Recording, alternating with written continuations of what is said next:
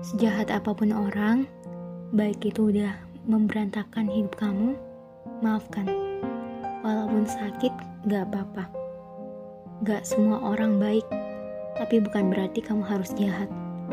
Kamu bakalan nemu makna tulus, juga bakalan nyadarin orang bahwa orang yang setia menemani itu akan tetap bersama, sekalipun ada di titik yang paling bawah.